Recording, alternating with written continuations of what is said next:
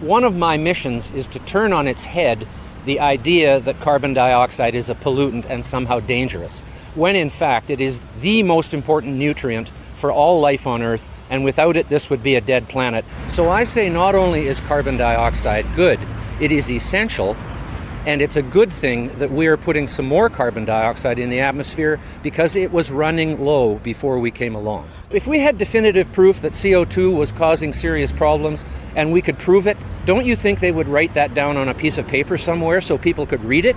They don't have definitive proof, period, in science. I'm a, I'm, I'm a student of the philosophy and history of science, and I know that the scientific method has not been applied in such a way as to prove that carbon dioxide is causing the Earth to warm. Do you think in a few years, say 50 years from now, people go, that was a really stupid period in our history when we tried to change all our energy policies to cut this gas?